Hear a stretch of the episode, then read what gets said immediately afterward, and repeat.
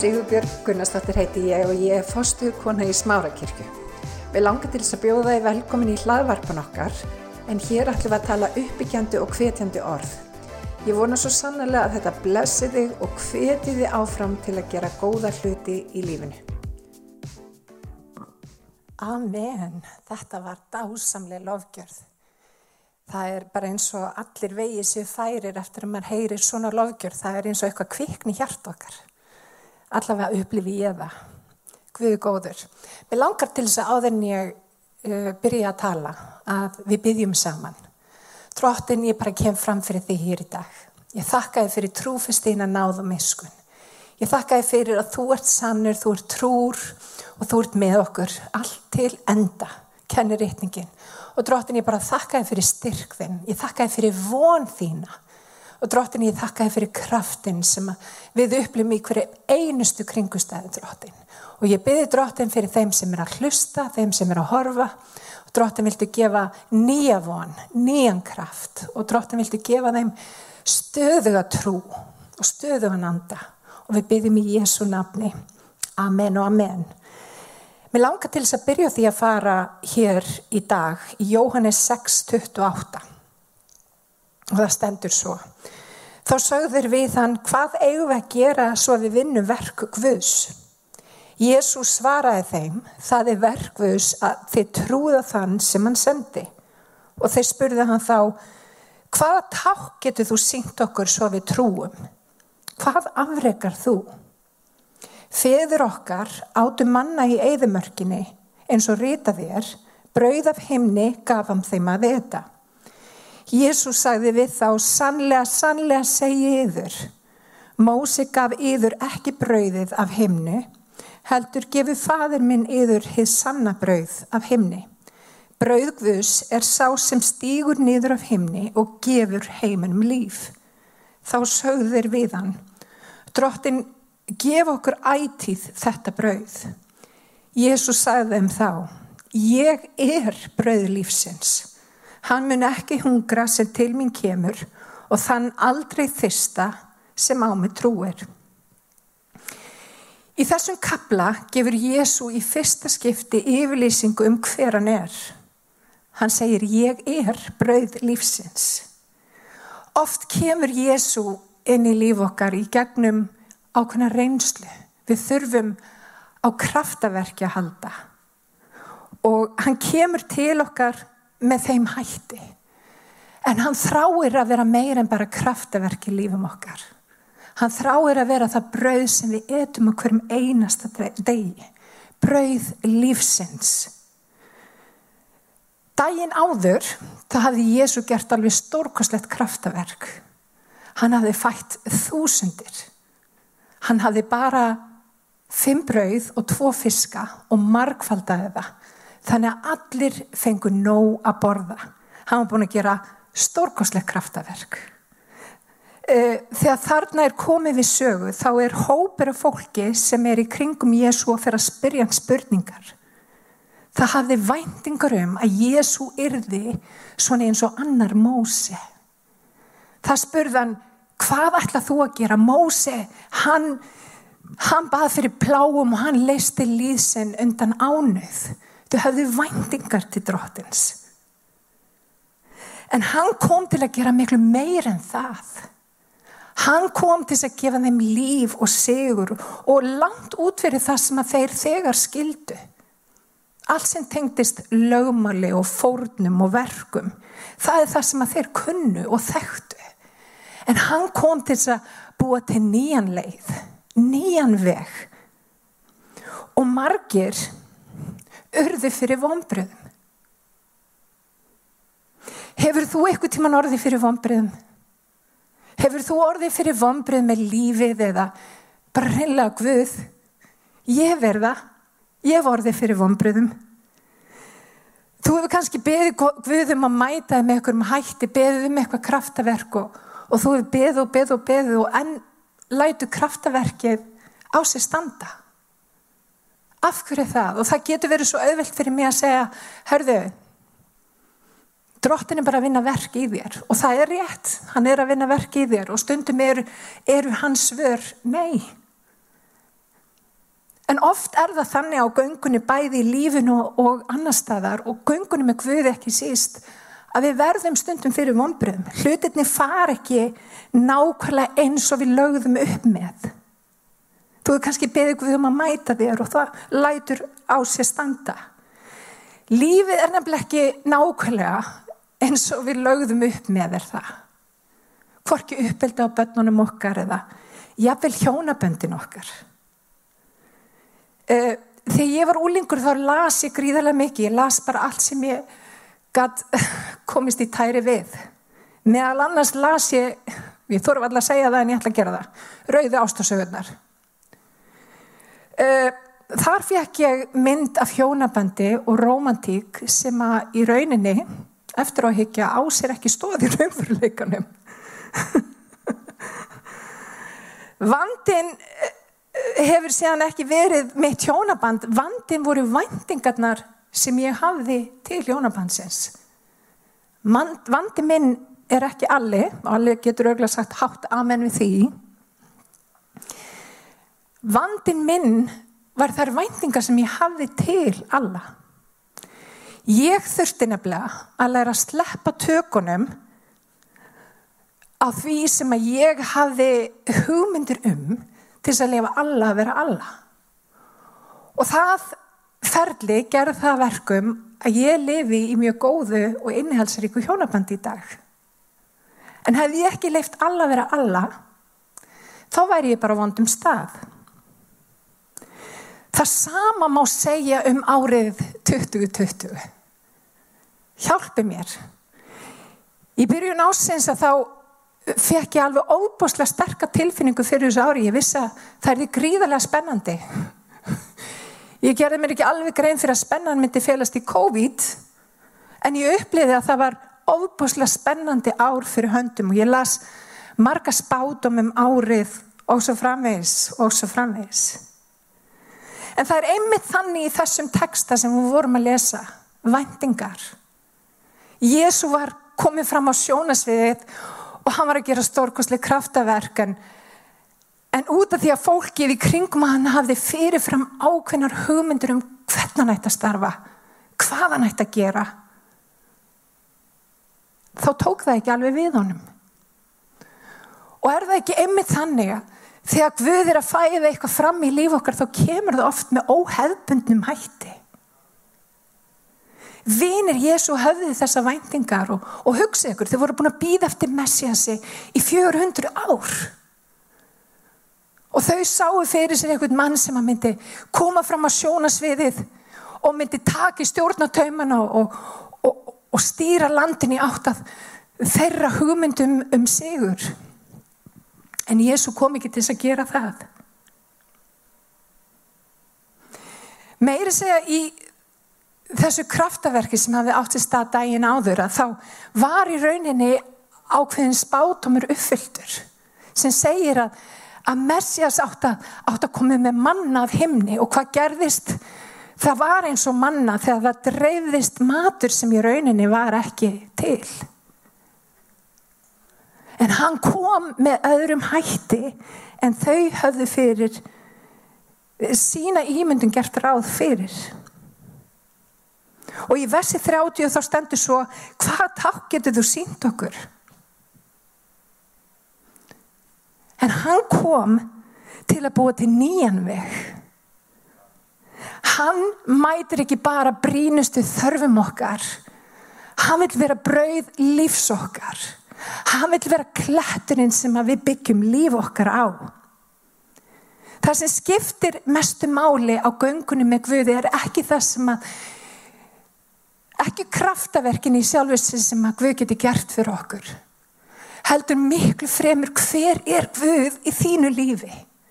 Hvernig hefur hann gert sér mátkann bara í daglugu amstri lífsins? Því hann er til staðar. Hann er til staðar og hann bankar á hjart okkar og hver meinasta degi. En hvernig lítur þetta út í praksis? Hvað er ég að meina? Förum í Jésaja 55.2. Hvers vegna reyðir þér fram silfur fyrir það sem ekki er brauð. Laun erfiðs yðar fyrir það sem ekki séður. hlýðið á mig, þá fáið þér hérna bestu fæðu og endurnærust að feitmeti.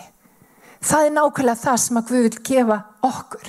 Hann vil að við endum nærumst, að við séum ekki að næra okkur á hlutum sem að við eigum ekki að næra okkur af. Og það er, þegar við skoðum býtu hvað er brauð, þá er gott að byrja því að skoða hvað er ekki brauð. Og Lucky Charms er til dæmis ekki brauð. Bönni mín elskar Lucky Charms og ég var í bónusum daginn og dóttir mér vildi endilega kaupa og ég sagði þetta er ekki matur. Og hún bara jú víst. Og það endaði með því að ég keipti Lucky Charms. Lucky Charms virka þannig að þú færðir eina skál og þú ert sattur í kannski klukkutíma en ekki meir en það. Því að það séður ekki neitt. Og reyndar gerir Lucky Charms hlut sem er bara vondið fyrir okkur. Það, það ruggla blóðsikrunum sem gerir það verkum að þú vilt meiri sigur. Þannig að þegar við erum ekki að borða bröður lífsins og þegar við förum að borða lucky charms lífsins að þá getum við orðið ánitjuð og það er það sem að stundin gerist. Við erum kannski með einhverja vana eða eitthvað í okkar lífi sem hefur gert að verkum að við leitum í þessa hækju í staðan fyrir að leita í uppsprettuna. Og hvað meina ég með því? Jú, til dæmis mógun.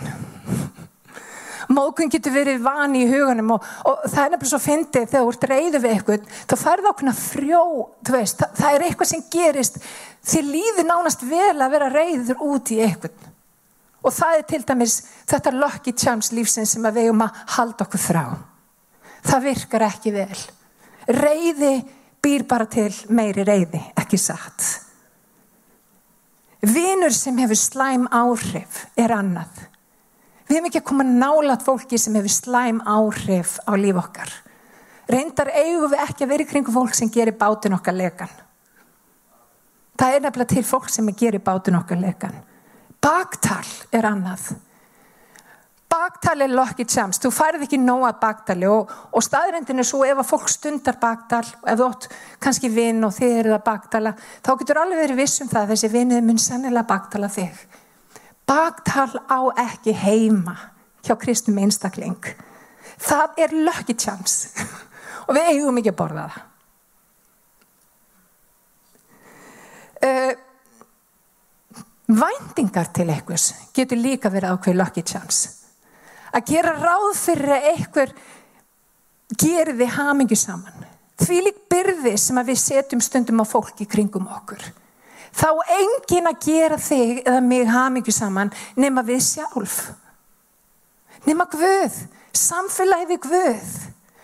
Og auðvitað er það þannig að Guð notar fólk. Guð notar að sjálfsögja fólk. Hann er að nota mig núna til að tala orðhans. En rugglum ekki orði Guð sem ég er að segja núna, það er að koma frá Guði. Það er ekki mér að þakka, það er honum að þakka. Og næring okkar, vinnir, þarf að koma frá Guði. Við þurfum að vera meðvitu um það hvaðan næringin kemur ekki sagt. Andlegt brauð kemur ekki frá öðrum einstaklingum. Guð notar einstaklinga en andli næring kemur frá Guði. Og hvað meina ég með brauð? Mér er svo góð líking þegar hann segi ég er brauð lífsins. Brauð er best ferst. Brauð er núna. Það er ekki gott að borða brauð sem að var bakað fyrir viku síðan eða mánuði síðan. Það er gott að borða brauð sem er heitt og mjút sem hefur jáfnvel verið bakað í dag. Það er líka vísun fyrir okkur að festast ekki í fortíðinni að því sem að var einu sinni heldur að fá nýtt brauð fyrir daginn í dag. Hvað er Guð að gera í dag? Hvað er hann að tala inn í lífið? Hvað er þetta ferska nýja sem hann að, að segja þér í dag? Því að brauðið er hér og nú. Það er merkingin hér og nú og það seður og það gefur settu. En hvernig talar Guð? Margir koma á samkomi og, og það er eina stundin sem að fólk heyri frá Guðu og ég mæli með að fólk koma á samkomi. En vinir, þetta getur ekki verið eini staðin en það sem við heyrum í Guði. Það má ekki vera þannig. Við þurfum að búa til pláss fyrir Guð og hverjum einasta deg og heyri í honum að mánudögum, þriðdögum, niðugdögum, fymtum, föstum og lögadögum. Og þegar við gefum honum pláss, þá mun hann tala. Þegar við neyjum eir okkar að því sem hann segir, að þá munum við, þegar við neyjum eir okkar, þá munum við fá þetta brauð lífsins sem við þurfum á að halda. Við langar til að fara í Jeremia 15-16 og það stendur þegar orðin komu, glifti ég þau. Orðin urðu gleði mín, hjarta mitt fagnaði. Og það er nákvæmlega þannig þegar við erum að gangi í gegnum kringustær, hann gefur okkur þann kraft sem við þurfum á að halda.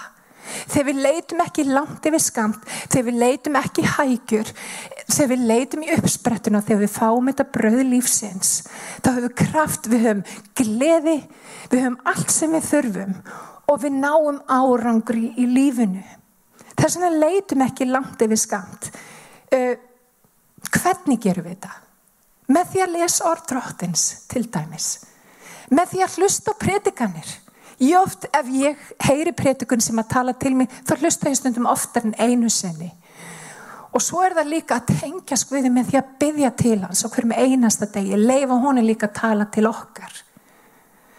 Uh, nýverðið síðustu daga og síðustu vikurindar, þá hef ég verið að, að hugsa um sálm eitt einhver luta vegna það hefur sálmur eitt verið að veita mér alveg óbúslega fæðslu og ég finn hvernig brauð lífsins það er alltaf eitthvað nýtt að koma fram eitthvað ný ofinbyrjum þegar ég lesi að hugleiði þennan sálm. Það getur verið í rauninni hvað sem er en það þarf að koma fór drotni ekki leita langt yfir skamt leita það upp sprettunni og þá myndi finna hversu mikill klættur Guð getur verið í lífiðinu Þrosku trú þarf nefnilega ekki stöðu kraftaverk. Þrosku trú er að eiga samfélag við drottin, að vita það að hann er með okkur allt til enda. Hann mun aldrei yfirgefa þig. Hann er með þér á gleðistundum, hann er með þér á erfiðumstundum, hann er alltaf með þér. Og hugsa ykkur, þau vil ykkur von sem er fólkin í því að vita Guð er með ekki bara í einhverju afmörkuðu svið í lífinu, ekki bara á göngunni, út af við oft tölum um göngunum með Guði, en ganga með Guði er bara ganga okkar daglega lífs. Hann hefur áhuga á öll okkar lífi. Það er það sem að Guð vil. Hann vil vera með okkur í öllu því sem við tökum okkur fyrir hendur. Ég held reyndar að við heyrum skýrt frá Guði á sangkomum vegna þess að við komum með eftirvæntingu. Og kannski er það leikill á göngunum með Guði, eftirvænting. Hvernig væri að vakna morgun með eftirvæntingu? Eftirvæntingu fyrir því að Guð ætlar að tala til okkar með einhverjum hætti. Eftirvænting fyrir því að, að heyra röttu Guðs með nýjum hætti í dag. Hvað er Guð að segja? Hvert er Guð að leiða mig í dag? Amen og vitið það, ég, ég finn líka hvernig Guð þegar maður neyir eira sitt á hannum hvernig viska Guðs verði hlut af lífum hans og vitið það við þurfum mikið að visku akkurat núna. Og Guð hefur verið að minna mig á ákveðinu svona biblíuleg prinsip. Hvernig við getum með betri hætti bara sem þjóðfélag sem einstaklingar já og bara þjóðfélag haga líf okkar eh, meira eins og Guð vill eins og til dæmis með því að spara peninga. Við vitum það að það eru mögur ár og það eru, það eru við erum að sapna í sarpin. Og mér finnst Guð líka og mér finnst að ég verða að deila þessu mjög og mér finnst Guð einhvern veginn vera að minna mig á hvað það er mikilvægt að brína fólk að passa sig að eigða ekki um efni fram. Passa upp á peningana sína, það er svo miklu meiri streyta þegar eitthvað svona áföll gerast að skulda fullt af, fullt af hlutum, að eigða jafnvel um efni fram, að kaupa sér eitthvað á ræðgærislu og annað. Það þarf ekki. Um leið og þú leitar í uppsprettuna og þú leitar og leifir Guði að vera uppspretta lífsteins, þá hefur ekki þörf fyrir alla þessa auka hluti sem að í rauninni gefa þér ekki hamingju. Þannig í dag Förum leið biblíunar, förum leið Guðs í líf okkar og, og pössum okkur að við séum Guðrætt sem að þýðir að virða Guð og næju sem að þetta fari hönd í hönd í Jésu nafni.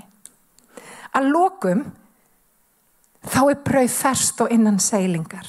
Rétt eins og mannað forðum daga, það er innan seilingar. Manna var þannig að þú gast farið út úr tjöldum og bara gripið það. Og veitir það, Guð hefur brauð fyrir þig í dag. Þú þarf ekki að hafa áhyggjur.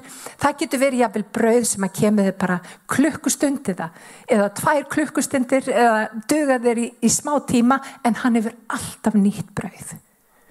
Þannig að ef þið vantar eitthvað í lífið, ef þú finnur tómleika eða þið vantar fyllingu, leita það þessu lífsinsbrauði sem hann hefur upp á að bjóða. Það er innan seilingar. Amen. Að lokum, brauðið er ekki fortiðinni. Brauðið er nútíð og brauðið hjálpar okkur inn í framtíð, ekki satt. Og það stendur hérna í Jesa 43 átján, minnis kvorkins liðna, ég elska þetta vers. Nei hugleiði það sem var, nú hef ég nýtt fyrir stafni. Nú þegar tekur á votta fyrir því, sjáuð þér það ekki. Og vinni líkillin er ofta að sjá. Um leið og brauð Guðs verður hluta lífin okkar þá sjáum við frá nýju sjónarhóttni og ég ætla að segja þetta aftur. Um leið og við opnum aug okkar og við neytum af brauði lífsins þá sjáum við hlutina frá nýju sjónarhóttni og hérna stendur ég gerir veg um eðimörkina og fljót í öðninni Hvað gerist ef við opnum auðokkar, við erum tilbúin að sleppa fortíðinni og við erum tilbúin að neyta þessu brauði, ég gerir veg um eigðimörkina og fljót í auðninni. Þegar við höldum í það gamla, þá gerum við það bara verkum að við erum ekki að, við erum ekki að höndla það nýja sem við höfum fyrir okkur. Og kannski, bara kannski, hefur COVID-tíminn ymmit verið svo opaslega mikilvæg fyrir okkur og það við höfum öllu verið sett í handbremsu. Allt henni stoppað allt. Og veitir hvað er gott að gera þegar allt stoppar? Að endur meta. Að taka til í sínu lífi. Endur meta. Takk út hluti sem ekki gagnast þér. Takk út lucky charms. Og setja inn þetta bröð lífsins Og veitir það, ég vil meina það, svona eftir á að hekja, þá hefur þessi tími verið ákaflega dýrmætur. Hann hefur undirbúð okkur fyrir það sem koma skal. Og ég trúi því að það er eitthvað stórkoslegt í vendum. Við munum sjá hvað vinna með stórkoslegum hætti og ég ætla bara að tala það út. Um, að lokum, þá stendur hérna Jóhannesi nokkrum versum setna eftir að þeir voru að spjalla hérna í versin sem við fórum í upphafi og það stendur svo upp úr þessu hörfu margir að lærisunum hans frá og voru ekki framar með honum. Þá sagði Jésu við þá tólf allir þér að fara líka? Símon Pétur svaraði honum drottin til hvers ættu við að fara? Þú hefur orð eilífslífs og við trúum og vitum að þú ert inn heila í Guðs. Og ég hvet okkur vinir, leitum ekki langt, langt yfir skamt. Látum ekki fyrirfram ákveðnar hugmyndur um hvernig hlutinir eiga að líti út, hvernig þetta ár á að líti út. Heldur tökum því sem höndum ber, lærum að því sem að Guður að gera og horfum með gleði og von til bjartari tíma. Og ég byrð að það mætti vera hlutskiptið þitt í Jésu nafni. Þarna eru fullt af fólki sem að gekk burt frá drotni og áttaði sig einu svona á hvaða verk hann var að vinna. Áttaði sig ekki á út af því að þau voru slegin blindu. Mætti Guð opna auð okkar hér í dag. Þannig að við mættum sjá, við mættum skilja hvað hann er að gera. Í Jésu nafni. Amen. Mér langar til þess að ljúka þessari stund með því að byggja bæn. Við köllum það frelsisbæn. Við byggjum hana á reytingaversi þar sem að stendur ef þú trúir í hjartaðinu að Jésús er drottin og þú játar með vöruðinum að hann hefur verið uppvakinn frá döðum þá myndu hólpin verða. Það er í rauninni svo afskaplega einfalt að taka móti Jésu Kristin í lífsitt. Það er bara trú á játa. Uh, ég ætla að byggja bæn og mér langar til þess að byggja þig um að byggja bæn eftir mér. Og bænin er svona, kæri Jésús ég byggjum að komin í hjarta mitt í dag. Ég byggjum að reynsa mig með blóði þínu. Ég byggjum að fyrirgja mig sér hverja synd. Ég byggjum að fylla mig af heilugum anda ég byggjum að ganga með mér hvern einasta dag Drottin Jésús, ég þakka þér að ég er þitt barn. Í Jésu nafni, í Jésu nafni, Amen. Ef að þú varst að byggja þessa bæn í fyrsta skipti, þá hveti ég til þess að setja þið í samband við okkur og mér langar bara að segja til hamingu. En þessi stund er formlega lokið, drottin blessi þig og varði hveti til þess að stilla inn á okkur með reglum hætti því að hér verður alltaf eitthvað nýtt á nálinni. Takk fyrir að hlusta.